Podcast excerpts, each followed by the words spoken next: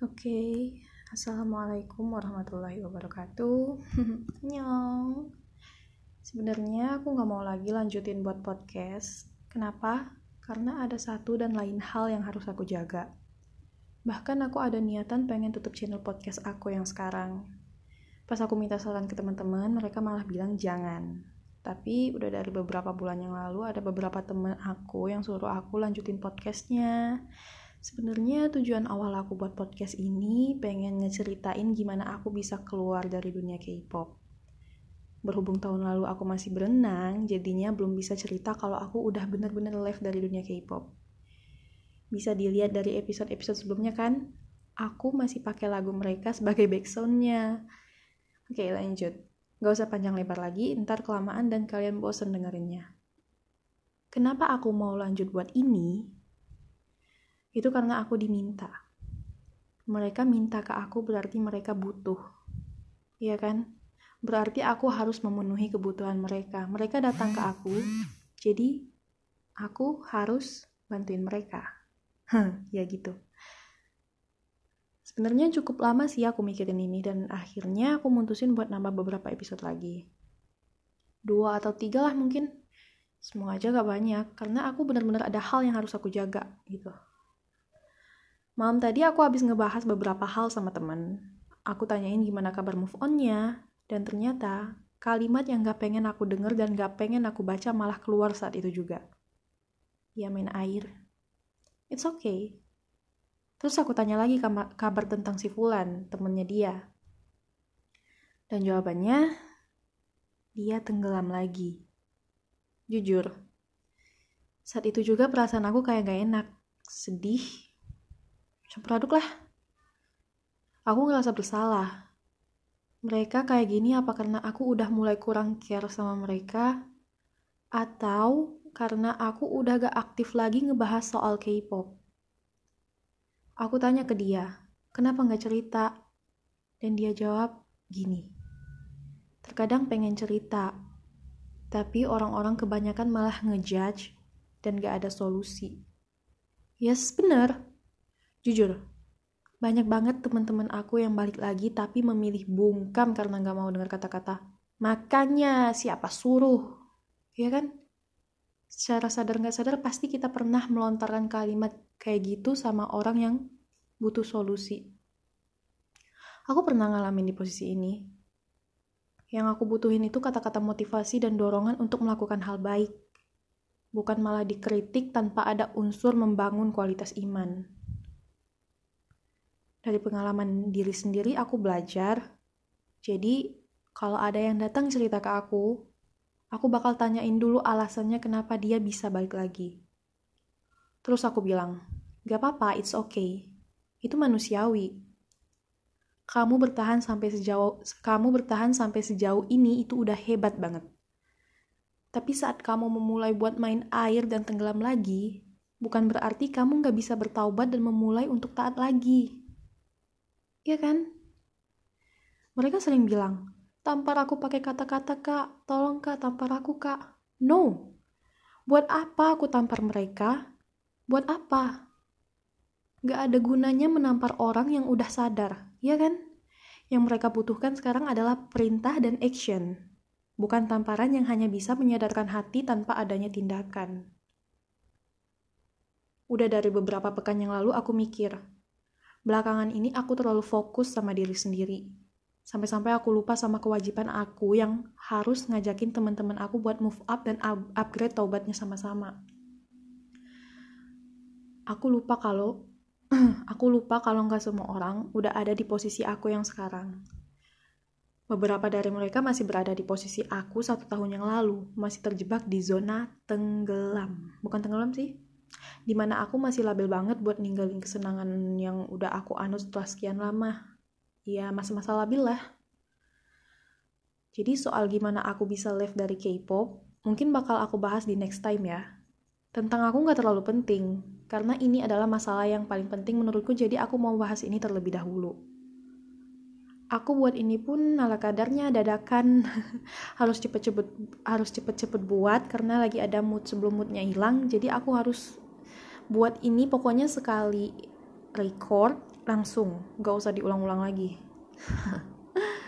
Oke okay, jadi kali ini mungkin bukan lagi tentang aku tapi tentang kamu tentang kita yang pengen taat tapi tertahan. Hei, bener kan? Kita kita itu bukannya nggak pengen taat, semua semuanya pengen taat, tapi tertahan oleh nafsu kita yang menggebu-gebu. Kita nggak bisa salahin setan atas perbuatan kita. Oh itu udah ada, itu udah tugasnya dia. Kadang suka mikir gak sih? Kenapa ya Allah? Semakin pengen dekat denganmu, semakin banyak godaan-godaan yang datang kepadaku. Pernah gak sih mikir gini? Yes, Jangan kira setelah kita taubat dan hijrah, setan bakal lepas tangan gitu aja. Enggak. Malahan kita ini adalah sasaran empuk buat setan. Mungkin saat ini setan bilang, buat apa ngerayu tukang maksiat? Toh tanpa dirayu pun mereka suka rela berbuat dosa. Yang penting sekarang adalah mereka yang kembali membuka hati. Kita para setan harus lebih berbu kita para setan lebih harus eh enggak enggak kalimat aku aku ulang ya Mungkin kata setan gini, buat apa ngerayu tukang maksiat? Toh tanpa dirayu pun mereka suka rela berbuat dosa. Yang penting sekarang adalah mereka yang kembali membuka hati menuju jalannya Allah. Kita para setan harus lebih berusaha biar kembali, biar mereka kembali lagi ke kubangan dosa. Jangan biarkan hatinya diisi oleh iman. Kira-kira gitu deh. Ya kan? Kalau dipikir-pikir, ini masuk akal sih. Cobaan taat itu emang berat. Beneran deh, berat banget. Tapi kita sari, kita sering salah mengartikan. Sering banget keluar dari mulut kita kalimat gini. Kenapa sih di saat gue pengen move on, mereka malah berkeliling di sekitar gue? Gak semuanya bilang gini, tapi sedikitnya banyak, sedikit banyaknya pasti ada yang bilang gini. Aku salah satunya. Iya emang bener. Semakin keras usaha kita buat meninggalkan suatu hal, semakin sering pula hal tersebut muncul di hati, di pikiran, dan di kehidupan kita. Anggap aja ini ujian naik tingkat ya. Siapa yang berhasil melewatin ini bakal Allah naikin derajatnya. Amin. Tapi kadang kita tapi kadang kita abai, kita kayak nggak peka gitu loh. Hal-hal yang sederhana kayak gini kita anggap berat. Gimana bisa kita ngelewatin ujian yang lebih berat setelahnya? Ngadepin dajjal misalnya? ya kan bener kan? Aku ninggalin K-pop bukan karena aku pengen, tapi karena Allah yang pengen. Kalau mau ikutin kata hati, mungkin aku gak bakal berhenti ngefangirl buat selama-lamanya. Mudah banget kalau mau nurutin kata hati. Jadi aku gak harus susah-susah nangis ninggalin mereka. Aku bisa nikmatin semua hal tentang mereka. Iya deh, bener, aku sampai nangis. Denger lagu mereka yang biasanya nenangin hati, saat mutusin buat left, bukannya nenangin hati, tapi malah buat kacau pikiran sampai ngeluarin air mata. Bahkan menyalahkan Allah. Kenapa nggak boleh sih ya Allah? Padahal mereka orang-orang baik. Mereka udah berjuang keras. Mereka adalah motivasi ketika aku direndahkan oleh dunia. Negadoril donjo urin gobiopso anymore. We are, we are, we are together, bulletproof. Yeah, we have you, have you. Tokyo Riwado, Nuganal Magado Goruga, We are, we are, we are forever bulletproof. Yeah, we got to heaven. We are only seven. I, but we have you all know. Oh, I. Yeah, we got to heaven. Yeah, we are not seven with you.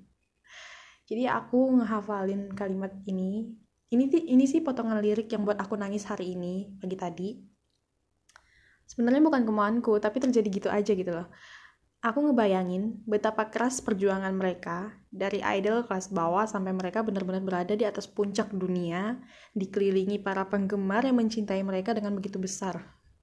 Aku iri. Aku merasa terpanggil. Sisa-sisa jiwa fan, nge-fangirlku masih merespon. Tapi ketika aku dihadapkan dengan pilihan antara mereka dan akhiratku, jelas saja aku lebih memilih akhiratku. Ya kan? Emang sekarang akhirat itu nggak kelihatan di depan mata. Tapi nantinya pasti bakal jadi nyata. Aku nggak mau air mata yang aku keluarin hari ini adalah air mata buat mengapresiasi usaha keras mereka. Aku takut nanti di hari pengadilan Allah bakal nanya gini, misalnya gini. Kenapa air mata kamu bisa keluar untuk mereka yang tak pernah berjuang di jalanku?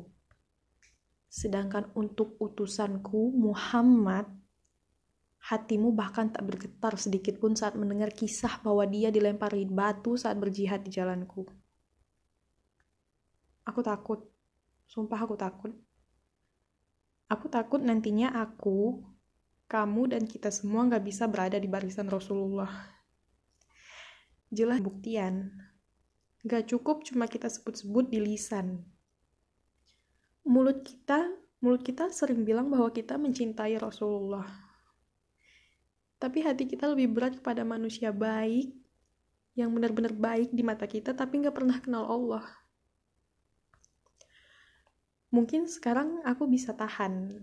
Tapi siapa yang bisa ngejamin kalau nantinya aku bakal, tet bakal tetap kayak gini?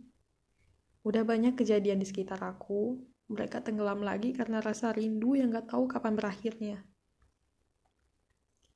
Aku cuma pengen bilang, kalau kita bisa memulai untuk kembali tenggelam, kenapa kita susah untuk memulai kembali melihat ke atas, mengayuh tangan lebih kencang, dan mengepakkan kaki lebih cepat? Percayalah, di atas sana jauh lebih indah daripada dasar lautan yang hitam tak berpenghuni. Di daratan, kita bakal ketemu sama orang-orang baik, jauh lebih baik dari teman-teman kita saat masih berada di lautan. Ternyata Uri Presiden gak salah dalam mengibaratkan tentang kita yang tenggelam. Pernah tenggelam. Pernah tenggelam bukan hanya cocok untuk kita sebagai ex-K-popers, ex-Hallyu, ex-K-drama, ex-K-drama, ex-K-dramers, tapi cocok untuk semua orang yang pernah tenggelam dalam dosa yang udah digeluti dari lama dan mereka berusaha berenang untuk mencari jalan menuju iman. oh my goodness, oh ya Allah. Mungkin segini dulu ocehan gak penting aku. Aku percaya bahwa kalian yang baru saja memilih jalan untuk main air lagi, bukannya kalian gak pengen taat. Tapi kadang belenggu dunia hampir menguasai hati kita dan pikiran kita, jadi kita gak peka. Kita kayak apa ada tabir yang menghalangi kita gitu ya kan sebenarnya nggak susah sih buat ninggalin perasaan yang salah ini cukup dengan action. Mulai detik ini harus detik ini juga tinggalkan semua hal yang membuat kita jauh dari Allah.